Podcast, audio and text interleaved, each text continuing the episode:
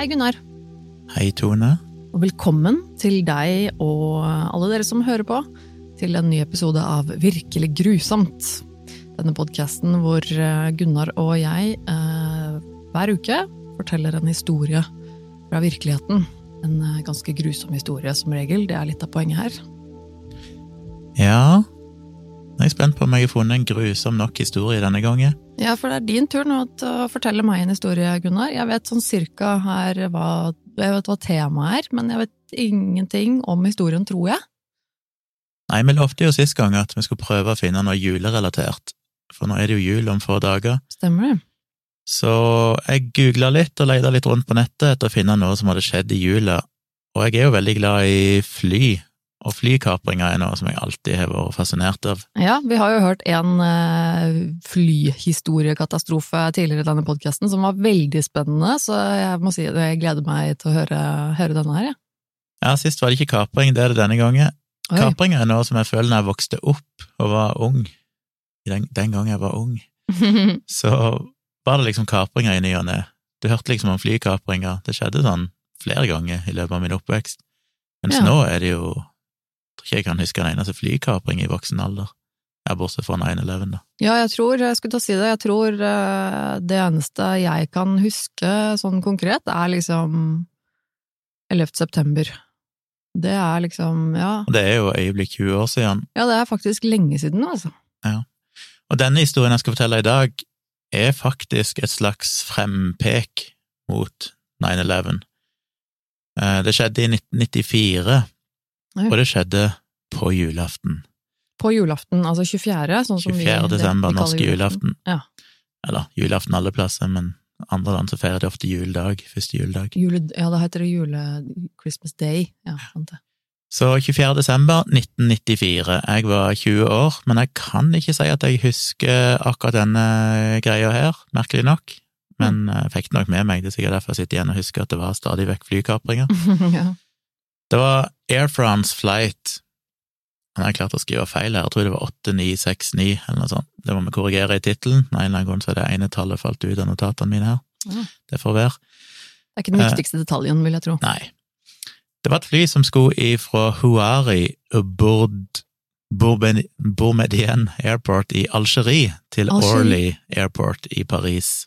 Ok. Det flyr Algerie, fra Algerie til Paris. Eh, kan jeg spørre noen skikkelig dumt spørsmål? Hvor er det Algerie ligger igjen?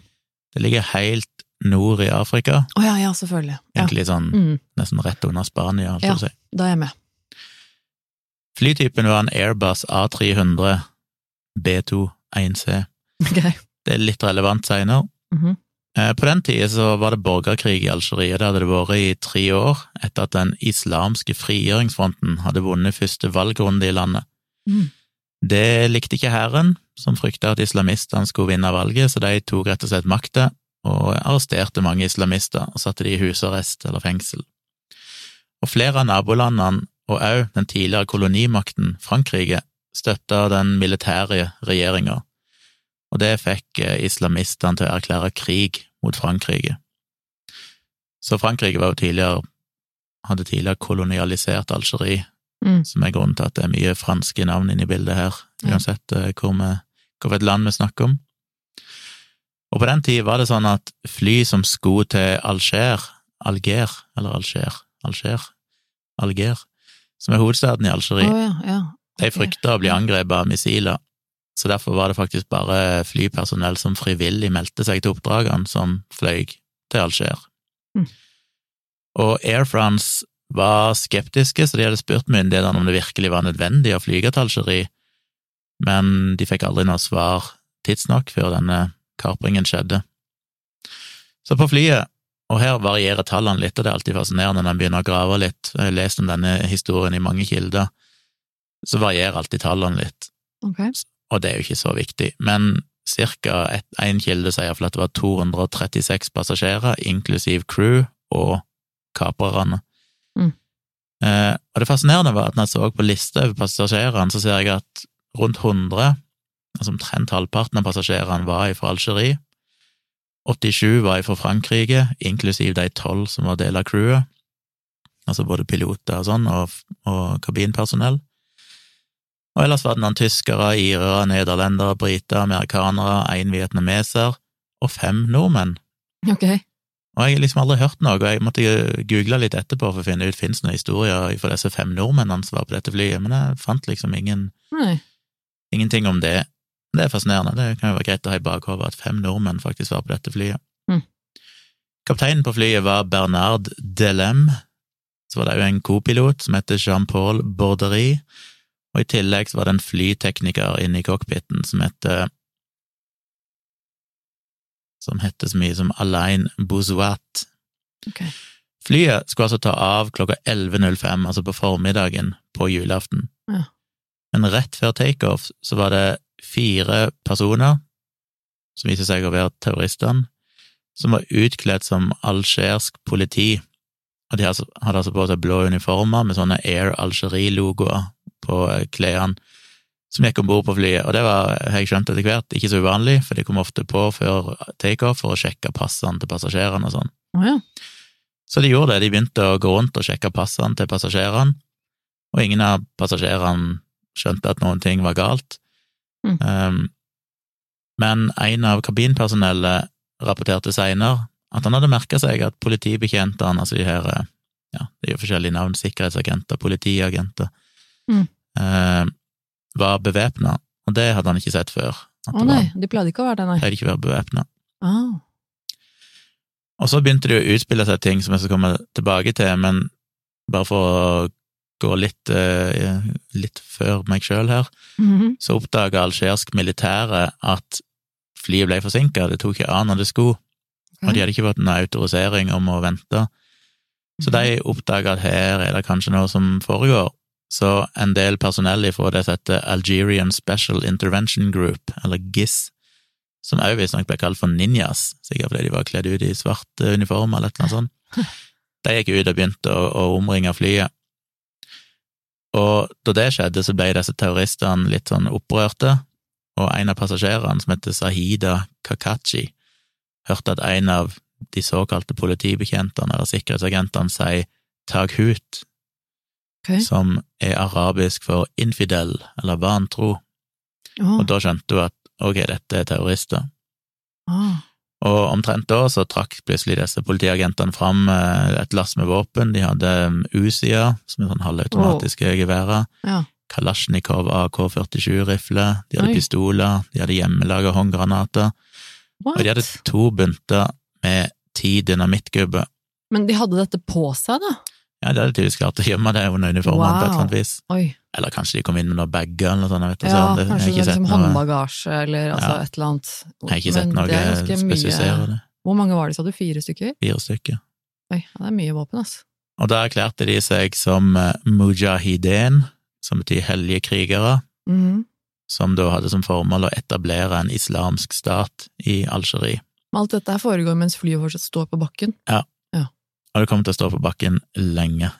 Ok. Eh, De sier at de kapra flyet fordi at det nasjonale flyselskapet Air France på en måte var et symbol på Frankrike. Og som jeg nevnte tidligere, Frankrike støtta altså den hæren som hadde overtatt kontrollen i landet, og det likte ikke islamistene. Mm. Eh, Terroristene var medlem av ei såkalt bevæpna islamistisk eller algerisk gruppe som heter Group Islamique Armé, forkorta til GIA. Så hvis jeg nevner GIA, så er det altså den terroristgruppa. Mm. Og de krevde jo selvfølgelig at passasjerene og kabinpersonellet skulle samarbeide med dem.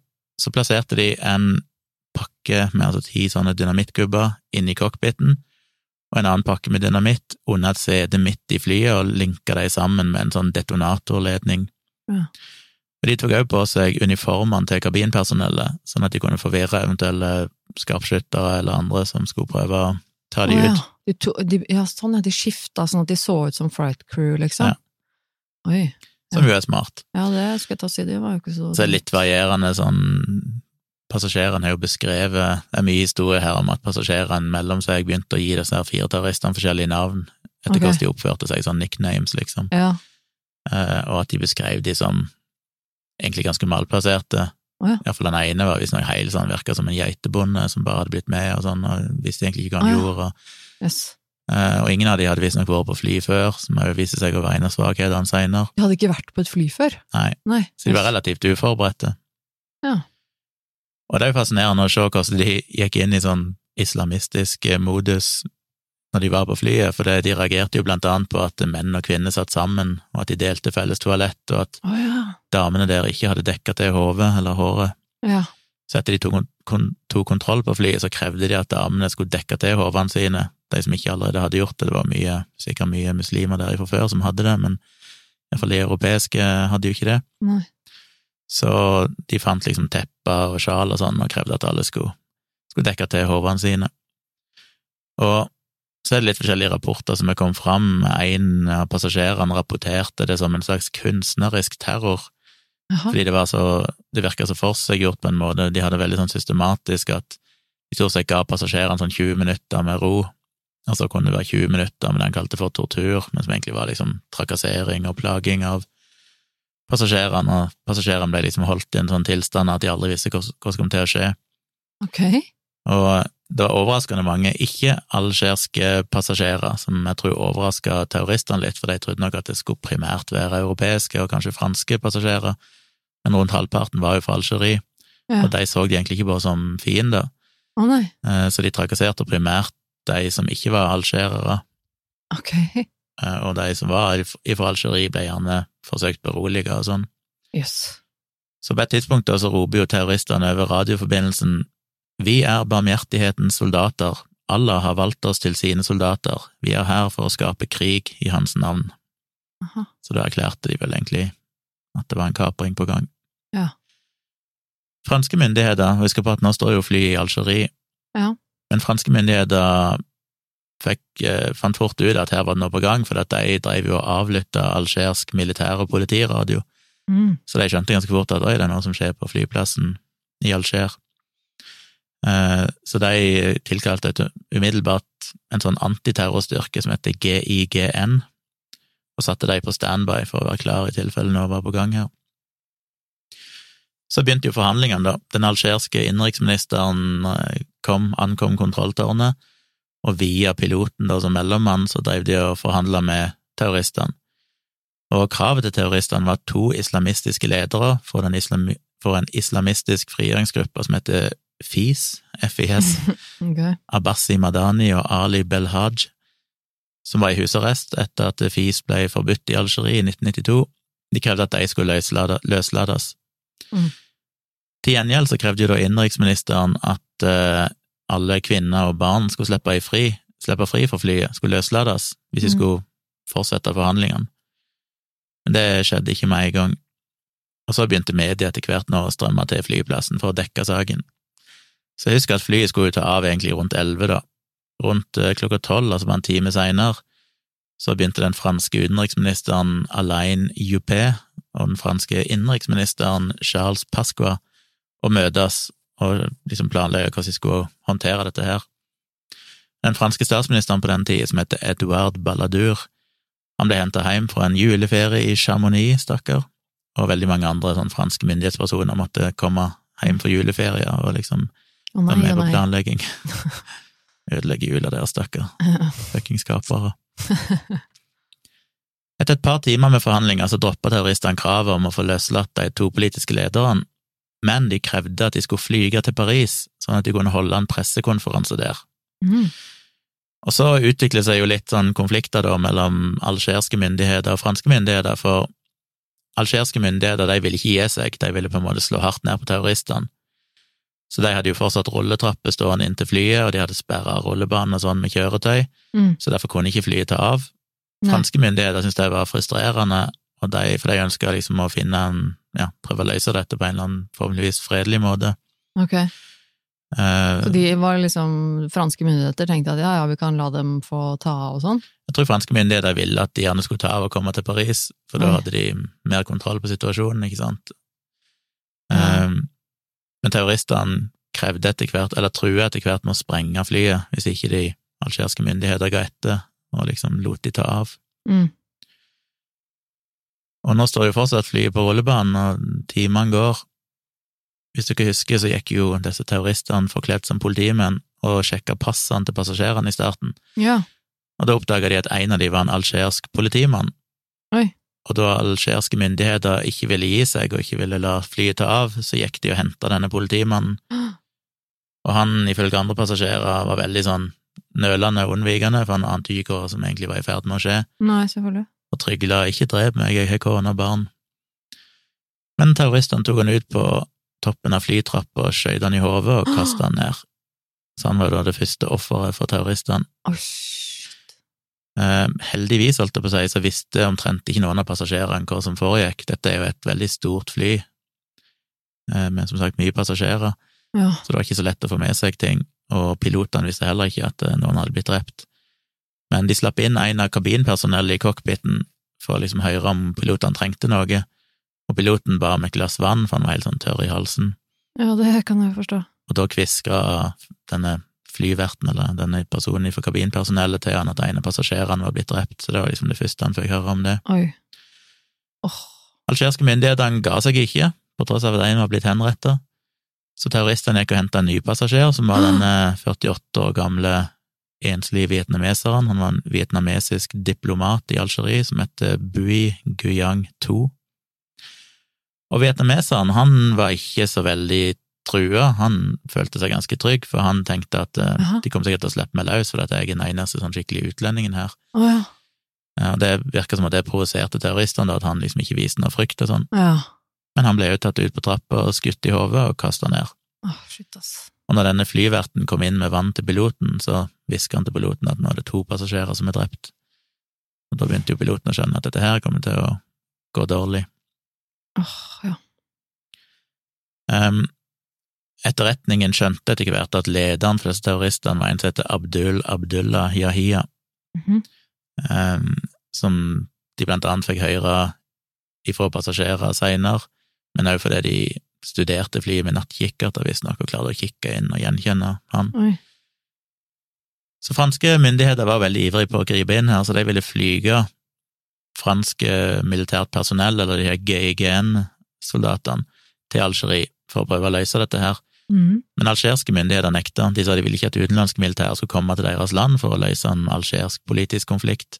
Ja, men hva er det de driver med? Jeg på å si hva er det de gjør for å Ja, løse den franske dette? statsministeren ble jo etter hvert ganske amper og liksom insisterte veldig hardt på at det, det var deres ansvar å løse problemet. Det er et fransk fly, det er mange franske Mm. passasjerer, Ja, sånn, ja. men de ville ikke. Okay. Så etter sju timer med forhandlinger, da de sittet på bakken i sju timer, de fleste passasjerene visste fortsatt ikke at to personer var drept, Nei. og ting var egentlig ganske rolig i kabinen. På den tida så var det blitt mørkt ute. Eh, altså, det må vel egentlig ha vært mer enn sju timer, eller blir det mørkt veldig tidlig? Jeg vet ikke. Men det ble iallfall mørkt etter hvert, Mm. så de hadde satt opp lyskastere som lyste opp flyet fra utsida. Mm. Og pilotene prøvde å bruke litt psykologi, så de snakka mye med kaprerne, prøvde å bygge opp tilliten, holde de rolige, på en måte kjøpe seg tid. Ja. Bygge et slags tillitsforhold, så de følte spurte om personlige detaljer, liksom prøve å vise sin menneskelige side og sånne ting. Ja. Som vel er en sånn ja, klassisk strategi i sånne Gisselsituasjoner. gisselsituasjoner. Mm. Du skal prøve å vise at du er et menneske for å gjøre det vanskeligere for dem å drepe deg. Ja. Etter ni timer så beordrer franske myndigheter at uh, GIGN skulle gripe inn, Okay. så de sendte de på et fly fra Paris, jeg tror det var fra en militærbase der, men de sendte de bare til Palma på Mallorca i Spania for å vente, for de kunne ikke, de hadde ikke lov å flyge inn i Algerie, men det var liksom så nærme så de følte de kunne komme uten at de skulle bli anklaget for å blande seg inn. Og flyet de reiste med, var jo samme type som det kapra flyet, altså en sånn A300. Oh, ja. Og det var ganske lurt, for da brukte GIGN-soldatene flytid til å liksom lære seg hvordan flyet så ut inni, og kjenne igjen, Å, så de kunne begynne å planlegge hvordan de skulle storme dette kapra flyet, da. ja. Smart. Så det var en, eh, en smart strategi. Og generelt sett så virker det jo Denne her saken har jo i ettertid blitt hylla som en sånn eh, en, en bra måte å håndtere en situasjon på. Mm. For de planla veldig godt, de øvde hele tida, de var De ydmyke nok til å skjønne ja, ja. skjønte at dette er noe de faktisk må liksom Yes. repetere, repetere, Og- men- gå gjennom detaljer. Men de algeriske myndighetene al al Algeriske, heter det det? Tror det algeriske. De gjør, har ikke liksom gjort noen ting da, på disse ni timene, eller hva du sa? Eller Nei, de har prøvd å forhandle, men de har jo nekta å gå med på noen krav. Det har gått veldig dårlig med disse forhandlingene. Ja, det har gått ganske dårlig. Eh, Og når de da landa i Palma, så fikk de med en gang beskjed fra algeriske myndigheter at de ikke var velkommen til Algerie, så de ville fortsatt ikke ha de der. Mm. Nå er klokka blitt to om natta natt til 25. desember. Ok. Eh, Da fant jeg bare en sånn liten eh, passiar i en av eh, En liten kommentar i en av artiklene jeg leste, som ikke er så relevant, men det var litt trivelig å se at piloten tok seg en befaring i kabinen og registrerte at alt var rolig, og at to av kaperne lå og sov på gulvet. Oh, ja. Så det var ikke noen sånn hysteriske tilstander eller sånne ting var rolig, og folk bare venta, liksom. Mm. Men det er jo interessant, det er jo en av de tingene jeg tenker på med sånne kapringer, og når jeg tenker meg om, så lurer jeg på om det er denne kapringen jeg faktisk tenkte på, da, for jeg vet jeg ofte har gått og tenkt på en eller annen kapring der jeg husker at det varte lenge, Ja. og det må være så kjipt. Jeg tenker nesten hver gang på det når jeg sitter på flyplassen, hvis de sier at av diverse grunner så kan det fortsatt være halvannen time til vi kan ta av, så tenker de gee, kan vi sitte på fly i halvannen time og vente? Ja. Og da tenker jeg alltid på, og det er kanskje denne kapringen jeg tenker på, når du blir sittende i time etter time etter time der, Ja. og det er får kanskje ikke servert mat, og du må på do etter hvert, og hvordan i all verden håndterer du dosituasjonen og sånn. ja. Og du vet jo ikke noen ting om hva som kommer til å skje, om du kommer til å komme deg fra levende, eller hva. Men allikevel, kjempeutålmodig, da, for jeg tenkte at liksom, du sitter bare der og venter på at myndighetene skal komme og redde deg, eller politiet skal komme, og det liksom Det må være allikevel, mer enn å tenke på at jeg skal bli drept, så tenker jeg alltid på ja, men tenk om jeg blir sittende her, så får du ikke lov å gå på do. Du sitte og drite i setet til slutt, liksom. Det er sånn Jeg vet ikke, jeg ser at, eh, jeg ser for meg at eh, du kanskje på et tidspunkt hvor du blir veldig desperat, liksom bare sånn eh, rekker opp hånda litt sånn forsiktig, bare sånn kan, kan jeg være snill, kan være snill gå, bare gå på do, være snill veldig fort. Jeg vet ikke. Nei, det, ja.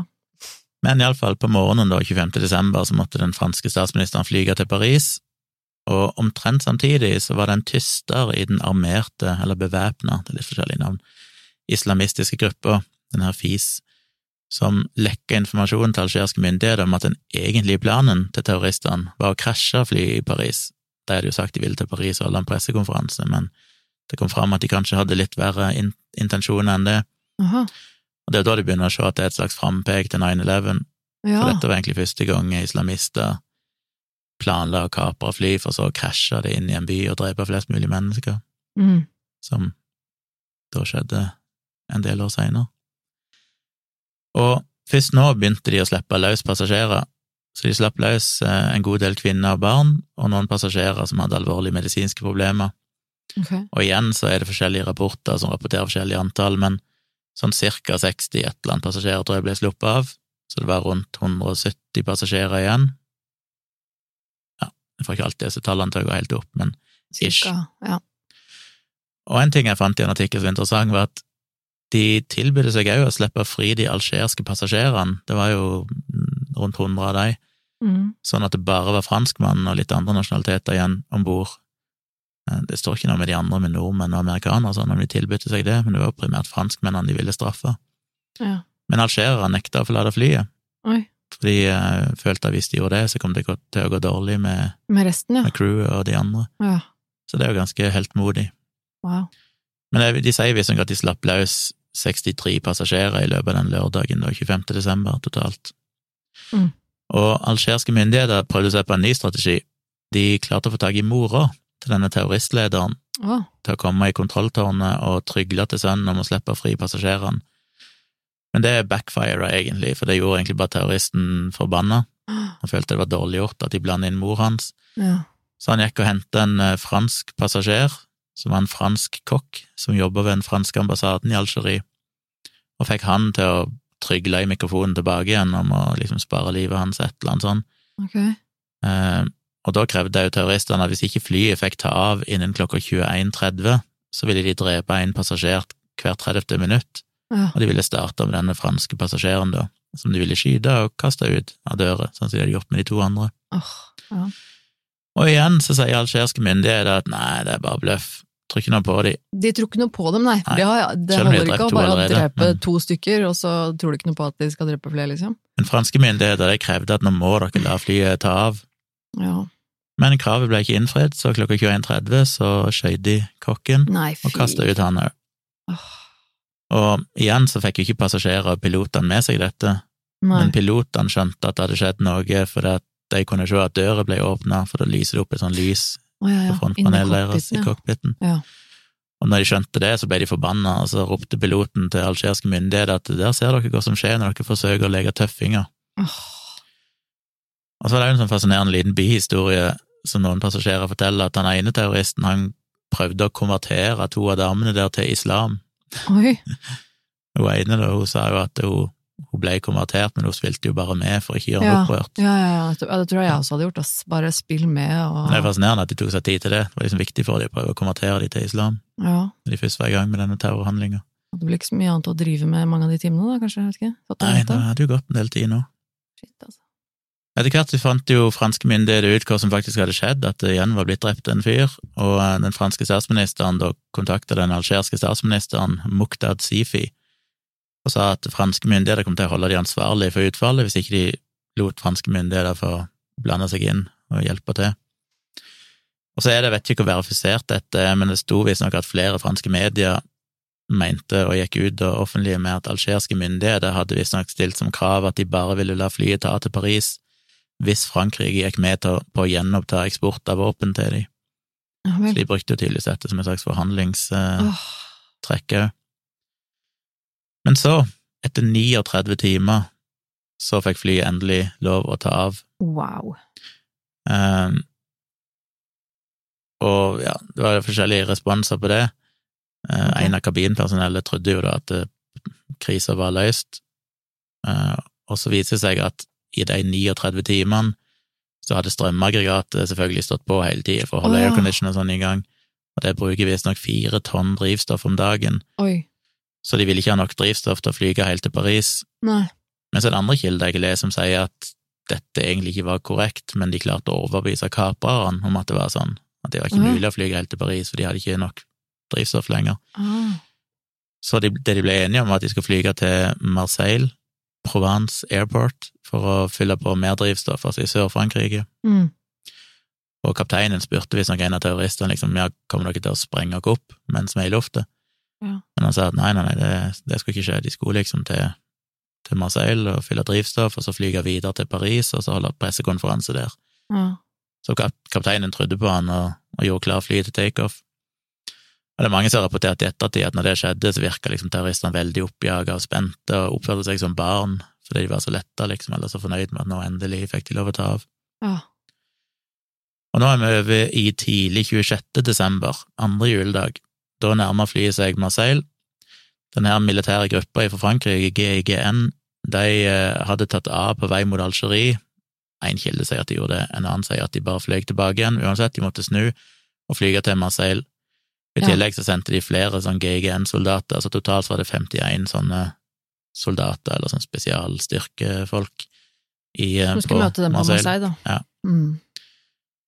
Og det flyet med de GGN-soldatene det landa bare noen få minutter før det Capra-flyet landa. Og det Capra-flyet landa 03.33, altså midt på natta, Mm. og ble styrt av kontrolltårnet til et ganske øde område av flyplassen, langt Kan vekk fra de andre. kontrolltårnet styre flyet? Nei, altså styrt gjennom sånn Å ja, beskjed sånn til- henvist? Ja, altså sånn, henvist, ja. ja, sånn, jeg skjønner. Ja. Og franske myndigheter hadde på det tidspunktet fått informasjon fra algeriske myndigheter om at planen egentlig var å faktisk styrte i Paris, Mhm. Så eh, deres strategi var at de skulle på en måte spille med og prøve å hale ut forhandlingene så lenge som mulig for å prøve å slite ut terroristene. Mhm. Når de landa i Marseille, Marseille, Mas Marseille, Marseille, jeg tror det heter Marseille. så ba terroristene om 27 tonn med drivstoff, men flyet trenger bare en, det står litt forskjellige tall, alltid fra åtte til 10 tonn rundt forbi. Okay, men, trengte vel ikke så mye Ja. for å flyge til Paris. Og det fikk franske myndigheter til å tenke at eh, ok, så planen er å liksom pumpe opp med masse drivstoff, sånn at det blir en slags ildbombe når de krasjer i Paris. Oh, ja. Alternativt så lurte de på om det kanskje var fordi de ville flyge til en destinasjon lenger vekke Mm. som støtta de, for eksempel Iran, Sudan eller Jemen. Mm. Men ganske kort tid etterpå så fikk de beskjed om at den virkelige planen, dette var via andre kilder, da, ikke terroristene sjøl, eh, om at planen var visstnok å prøve å sprenge flyet. Husker de hadde jo montert dynamitt i flyet, ja. og mhm. sprenge flyet over Eiffeltårnet. Oh, ja. Eh, Så da bestemte de seg for at dette flyet skal aldri ta av fra Marseille, uansett hva som skjer. Nei. Så det er ikke aktuelt at den noen gang skal komme til Paris. Mm. Klokka åtte på morgenen så krevde kaperne at flyet skal ta av mot Paris innen klokka 9.40. Men forhandlerne klarte å få utsatt det med å liksom tilby de mer mat og vann, komme inn og tømme toalettene og levere støvsugere og sånn til de. Okay. Og det aksepterte de. Det morsomme var jo da at de som kom og gjorde det, var sånne GIGN-agenter som var kamuflert som kabinpersonell, Ja. og dermed kunne de saumfare kabinen og liksom finne ut hva status er. Ja. Og da fant de for eksempel at dørene ikke var blokkert på noe vis, det var ikke rigga noen sånne booby traps eller noe sånt, Eh, og mens de var inne og serverte mat og sånn, så fikk de planta avlyttingsutstyr rundt forbi kabinen. ja. I tillegg så var det satt opp mikrofoner på utsida, sånne retningsbestemte, veldig sensitive mikrofoner som pekte mot vinduer og Mm. skroget, så de kunne høre hva som skjedde på innsida. Ja.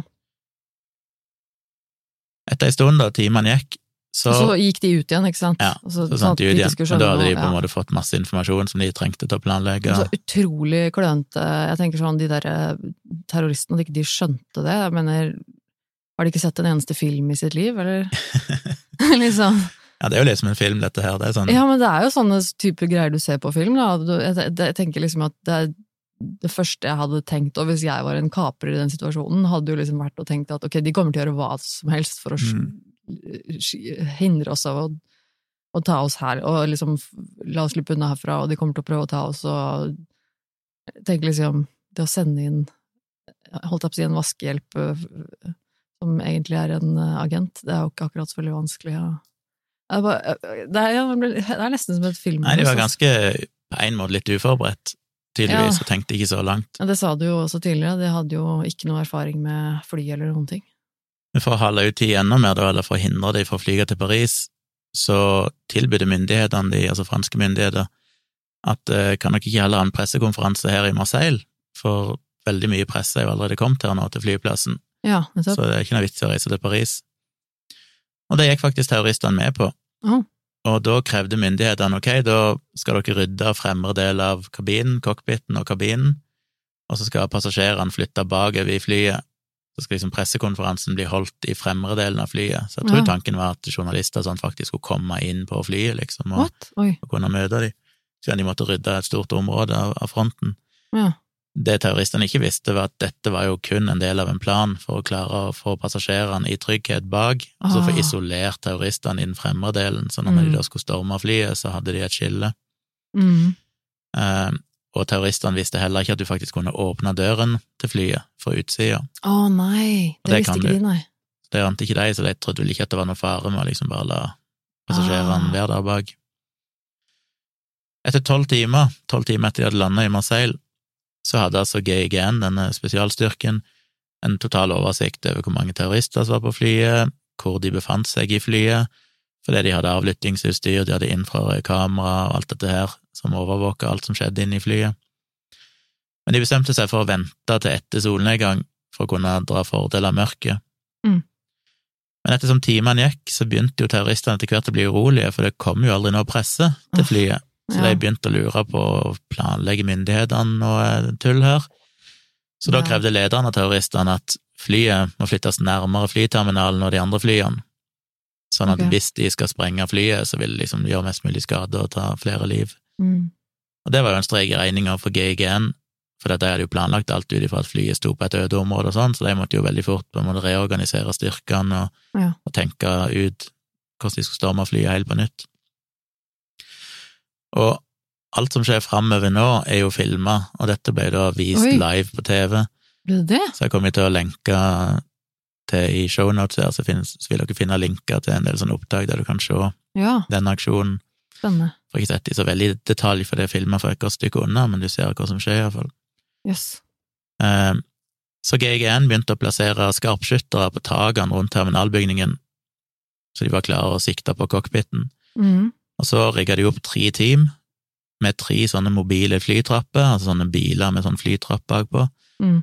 På det ene flytrappet så var det elleve personer, de skulle kjøre fram um, Nei, det var elleve på to av de, og de to skulle kjøre fram og åpne venstre og høyre bakdør, og på den tredje trappen var det et team med åtte personer som skulle gå fram til høyre dør framme Mm. på flyet, og prøve umiddelbart å isolere cockpiten ifra liksom kabinen, sånn at eh, de kunne prøve å evakuere passasjerene. Men de venta jo da på solnedgang. Men ettersom myndighetene ikke hadde kommet med noe mer drivstoff, og det ble ikke noe pressekonferanse, da klokka var fem, så kom den ene terroristen inn i kabinen igjen for å finne en ny passasjer og drepe. Og da valgte han det yngste medlemmet av kabinpersonellet, fordi han hadde sagt til terroristene at han var ateist. Oh. Så det var grunnlag til å ville henrette han. Men terroristen sa at han egentlig ikke ønska å gjøre det, men han hadde jo ikke noe valg. Men okay. det virka som at han liksom sleit med å gjøre det, så han venta og utsatte og utsatte det. Ok. Og til slutt så åpna de heller ei dør, og så begynte de å skyte rundt flyet og mot kontrolltårnet, der de visste at disse folkene som sto og forhandla med de var. Oi. Og de traff jo kontrolltårnet og folk som var der oppe, inklusiv her eh, ministrene og sånn. De Oi. sa jo at glasset, glasset knuste og eksploderte rundt det og sånn. og det var det mest intense øyeblikket i deres eh, del av forhandlingene. Ble noen av de skadet, Nei, eller? Gjorde ikke det. Nei, jøss. Men så begynte de visstnok samtidig, ifølge passasjerene, å lese opp verset fra Koranen over høyttaleren, som var sånn bønner for de døde. Og mm. da begynte passasjerene å få litt panikk, de var stille, men da begynte de å skjønne at nå begynner det å skje noe her. Uff. Og da ga jo den franske statsministeren klarsignal til GIGN at nå måtte de bare gjøre det de måtte gjøre, og hadde frie tøyler til å starte aksjonen. Så klokka 17.17 så rykka de ut, tre team altså, med disse rulletrappene, kjørte mot flyet, og dette kan du da se video av. Ja. Eh, og mens de kjørte mot flyet, og det var fortsatt ikke blitt mørkt da, for de måtte rykke ut tidligere enn de trodde, på grunn av at de begynte å skyte og sånn, så, eh, så oppdaga terroristene de, og da åpna de dørene og begynte å skyte imot de. Men det skjedde sånn så det er ikke noe skade av det. Og så er det en sånn morsom sekvens som du kan se filmopptak av, Aha. som er sånn litt sånn eh, panneklask, men fort gjort å gjøre den feilen. Ja. Da disse GGN, spesialstyrkene, hadde trent på dette, Ja. så hadde de jo trent i et tomt fly.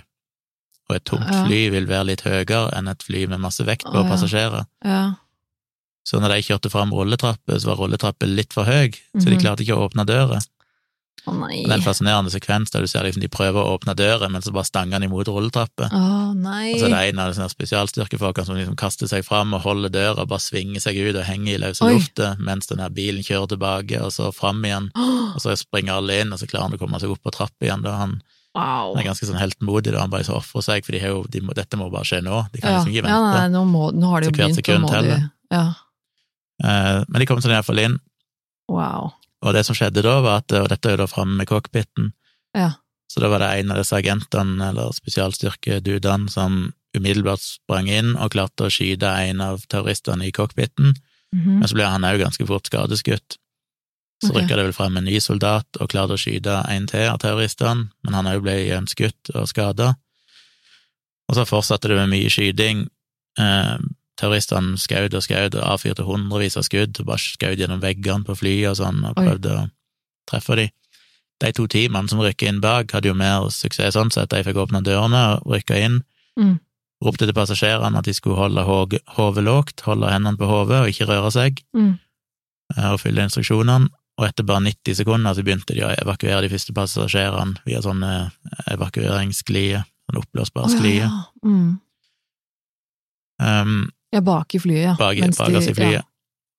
Så de hadde jo klart å skille de vekk, sånn at selv om det var mye skyting framme, så var det på en måte et stykke bak til Ja. disse passasjerene bak.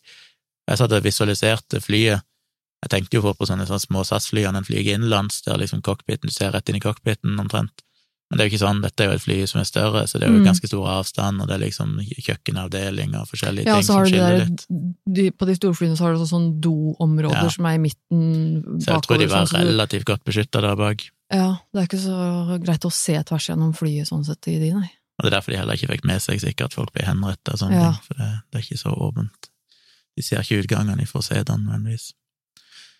Um, soldatene turte ikke å storme cockpiten, for at inni cockpiten så satt jo piloten og kopiloten og flyteknikeren. Og det er jo en video som viser en av de GGN-soldatene som prøver å kaste en såkalt flashbang gjennom cockpitvinduet som er åpent, men bommer, så du bare ser den treffer og lander på bakken og eksploderer. Okay. Litt mislykka. Eh, Etter fire minutter så var alle passasjerene evakuert, bortsett fra da piloten og flyteknikeren og co-piloten som satt der framme sammen med de to gjenlevende terroristene. Ja. Og piloten sa seinere at terroristene kunne jo bare ha drept dem hvis han ville, Ja. men de valgte å ikke gjøre det. Så han følte at det hadde liksom bygd seg opp en form for sånn gjensidig respekt mellom terroristene og Ja. gislene, da, som var det de hadde håpet å oppnå. Ja. Så de satt jo bare og krøp seg sammen og gjemte seg, stakkar folket, men det ble jo bombardert med kuler både inn og ut av cockpiten, og der sitter de tre og bare prøver å unngå å bli truffet, stakkar. Åh, ja, shit, det høres helt grusomt ut. Disse skarpskytterne på takene rundt, de kunne heller ikke skyte inn i cockpiten, for de var så redde for å treffe en av de sivile der. Mm. Men så er det jo, dette er jo filma på video, så ser du plutselig at co-piloten setter seg i vinduet med ryggen ut, og så bare på en måte kaster seg ut av vinduet. What? Og det er jo jævlig høyt, det er jo snakk om fem-seks meter ned. Altså, ja, fordi vinduene er jo blåst ut av at de har Ja, skutt vindu som sånn, ikke sant? Ja, av Han prøvde jo å kaste en sånn flashbang inn, så jeg tror det ene vinduet bare var åpent, sikkert, for å finne luft eller noe sånt. Men, men så, så han, han setter seg altså på rygg, og så Ja, og så bare liksom slenger seg ut What? og går i bakken. Han overlever, men han fikk jo knust albuen og hoften og sånn, men det gikk jo bra med til slutt. Åh, Du ser han liksom reise seg opp der og går unna, men da hadde han liksom knukket Ah. hoften og knust albuen, så det kan ikke være behagelig. Ja, det er jo høyt. Men det var genialt at han gjorde det, for idet han gjorde det, så åpna det opp for at skarpskytteren oh, ja. plutselig kunne skyte inn uten å være så redde for å treffe. De fikk liksom en åpning. Mm. Så de begynte jo da å skyte òg. Og så er jeg litt usikker, jeg finner ikke detaljert akkurat når han tredje terroristen ble drept, om, han blir, om noen av de i det hele tatt blir drept av skarpskytteren, det vet jeg ikke. Nei. Men det er en fantastisk sekvens òg, der du ser på video at disse rulletrappene, den, den ene rulletrappen som står mot inngangen framme, der står det jo hele tiden en del soldater, altså noen kommer inn og noen går ut og sånn. Ja. Og i en sekvens så ser du plutselig en av de som står nesten helt topp, på toppen av trappa med et par personer bak seg. Så bare eksploderer det plutselig, for da var det ei kule fra terroristene som treffer ammunisjonen som han har på seg, så den eksploderer. Oi. Du bare ser han bli kasta bakover og drar med seg alle de andre, så alle bare raser ned trappa og ned til bakken.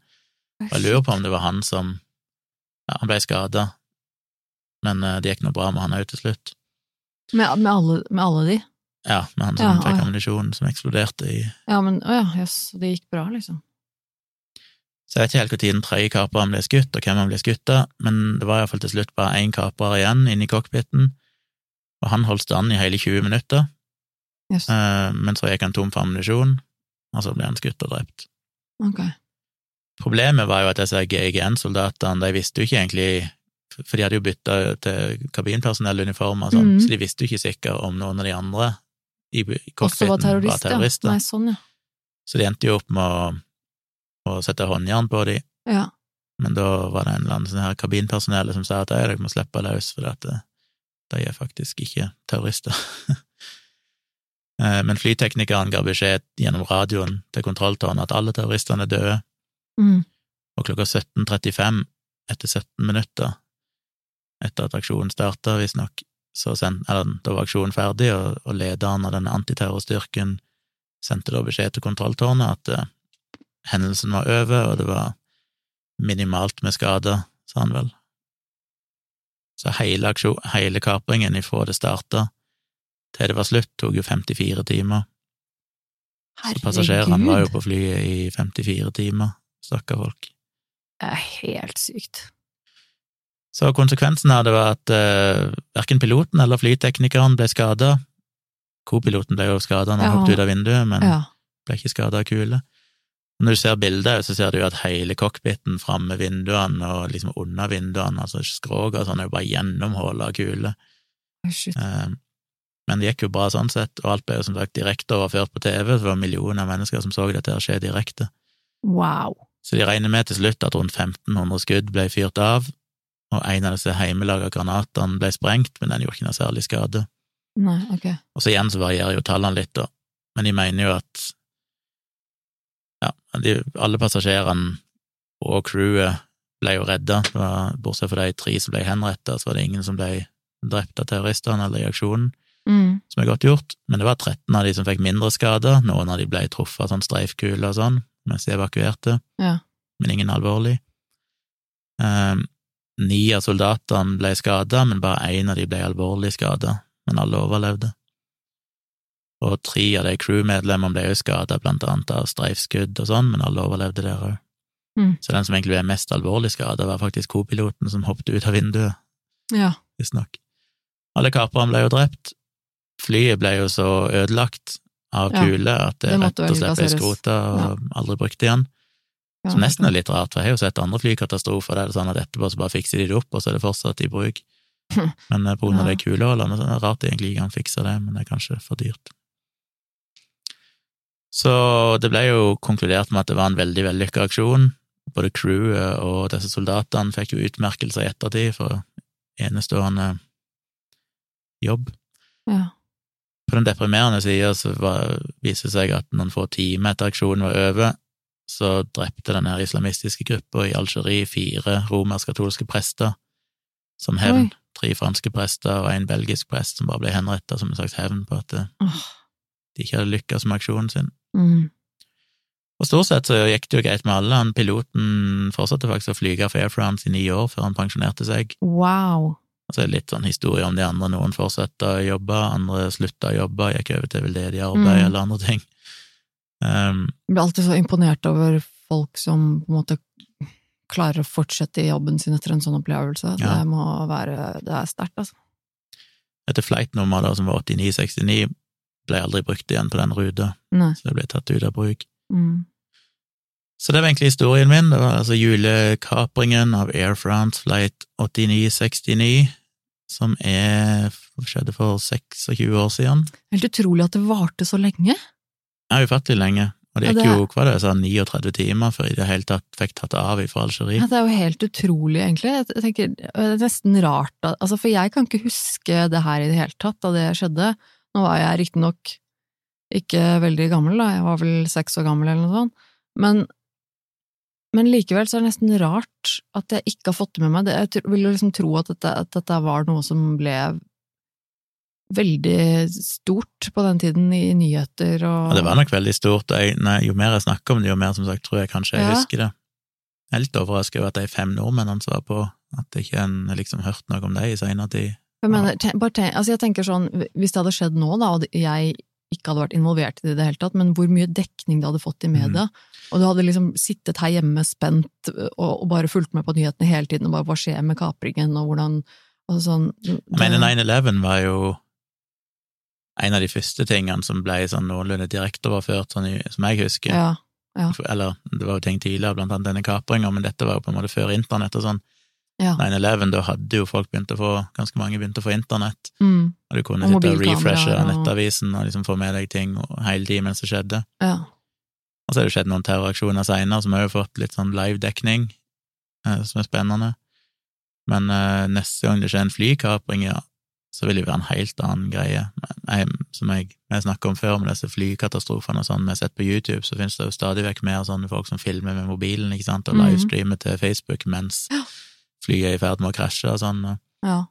Så det hadde jo vært noe helt annet hvis dette hadde skjedd i dag. Da hadde det jo vært så mye videoer fra passasjerer og høyoppløselige videoklipp og sånn. De videoklippene som ligger ute på nettet nå, er jo ganske dårlig kvalitet, for det var 1994. Ja. Men igjen, en slags frampek mot 9-11. Det ble jo i ettertid omtalt som den gangen Paris unngikk en sånn 9-11-situasjon. Mm, For teknisk sett ville det ha skjedd, de hadde krasja flyet eller sprengt over Paris og ville sannsynligvis drept ganske mye mennesker. mm. Men det skjedde heldigvis ikke. Og så kan en spekulere spekulere hva som hadde skjedd hvis algeriske myndigheter hadde vært litt mer medgjørlige. Kanskje ingen hadde blitt henrettet. Iallfall ikke så mange. Mm. Men alt i alt så ble det regna som en ekstremt vellykka sånn antiterroraksjon, der de faktisk klarte å redde alle passasjerene. Ja, sånn alt sett i alt, så...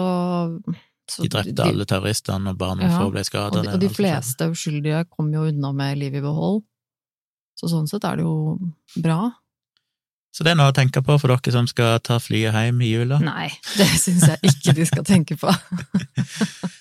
Ja, så hva syns du om eh, grusomhetsskalaen, da? Ja, det var denne grusomhetsskalaen. Vi pleier jo å gi dette en slags eh, karakter fra én til ti, eh, hvor, eh, hvor grusomme syns dette er, holdt jeg på å si. Jeg, jeg, jeg må si jeg syns det er en utrolig spennende og fascinerende historie, men jeg syns ikke den er fryktelig grusom. Nei.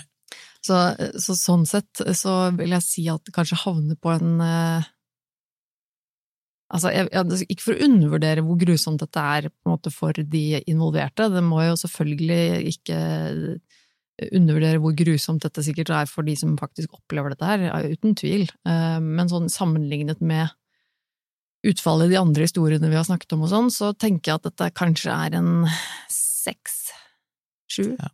kanskje? Ja, det, de gikk sekser. jo Det gikk jo så bra med såpass mange. Jeg tenker at det kunne gått så mye verre, da. Det grusomme er jo på en måte de tre som bare blir henrettet. Ja, det er helt forferdelig. Men de er det lite detaljer om. Det er liksom bare sånn ja, de blir henta og henretta, men du får liksom ikke Nei, får ikke levd deg helt inn i deres historie, hva som skjedde med dem. Nei, altså, ja, ja, selvfølgelig er det helt forferdelig, men likevel så er det på en måte noe med at det er så mange som overlever, da. At det totalt sett så går det så mye bedre enn det det kunne ha gått, holdt jeg på å si. Skulle ha faka det og bare sagt at alt gikk til helvete, og flyet eksploderte. det, hadde, det hadde ikke vært genuint. Det, det er, vi er opptatt av at det skal være ekte historier, dette her, så det hadde vært juks. Hvis dere har noen innspill til denne historien, så er det mulig å maile oss på eh, virkeliggrusomt at gmail.com, og der kan dere òg sende inn tips og anbefalinger om historier, eller bare tilbakemeldinger generelt sett. Jeg lurer på om det er noen av lytterne våre som uh, har noen uh, tydelige minner av denne hendelsen her. Det burde det jo være da. Fortell gjerne om det, og fortell gjerne om hvis dere vet om noen av disse nordmennene som var med, om dere kjenner de, eller vet om det finnes historier på nettet, så kunne jeg gjerne tenkt meg å lese eller sett video og intervju av dem. Ja, veldig interessant. Det vil jeg gjerne. Men bruk gjerne virkelig grusomt til gmail.com og gi eh, tilbakemeldinger. Vi har jo fått ganske mye mailer med tips og sånn, så vi skal se om vi får brukt noe av det etter hvert. Jeg må jo også si tusen takk til alle gode tilbakemeldinger vi har fått, og alle som liker podkasten hittil. Det er veldig hyggelig. Husk å dele det med andre, tips andre om denne podkasten. Og så må vi egentlig bare ønske alle ei god og fredelig jul, der vi håper det ikke skjer noen grusomme hendelser. Nei, jeg får virkelig ikke håpe det. For selv om 2020 har vært et kjipt år, så håper jeg alle får en veldig, veldig koselig jul. Og så er vi vel, eh, tror jeg, hvis ikke vi tar juleferie, tilbake neste uke med en eh, romjulsgrusom historie. Så håper dere får med dere den. Husk å abonnere på denne her eh, kanalen, denne podkasten, så dere får med dere episodene. Vi er tilbake igjen hver uke på mandager. Så igjen, god jul, og så høres vi igjen snart. Ha det.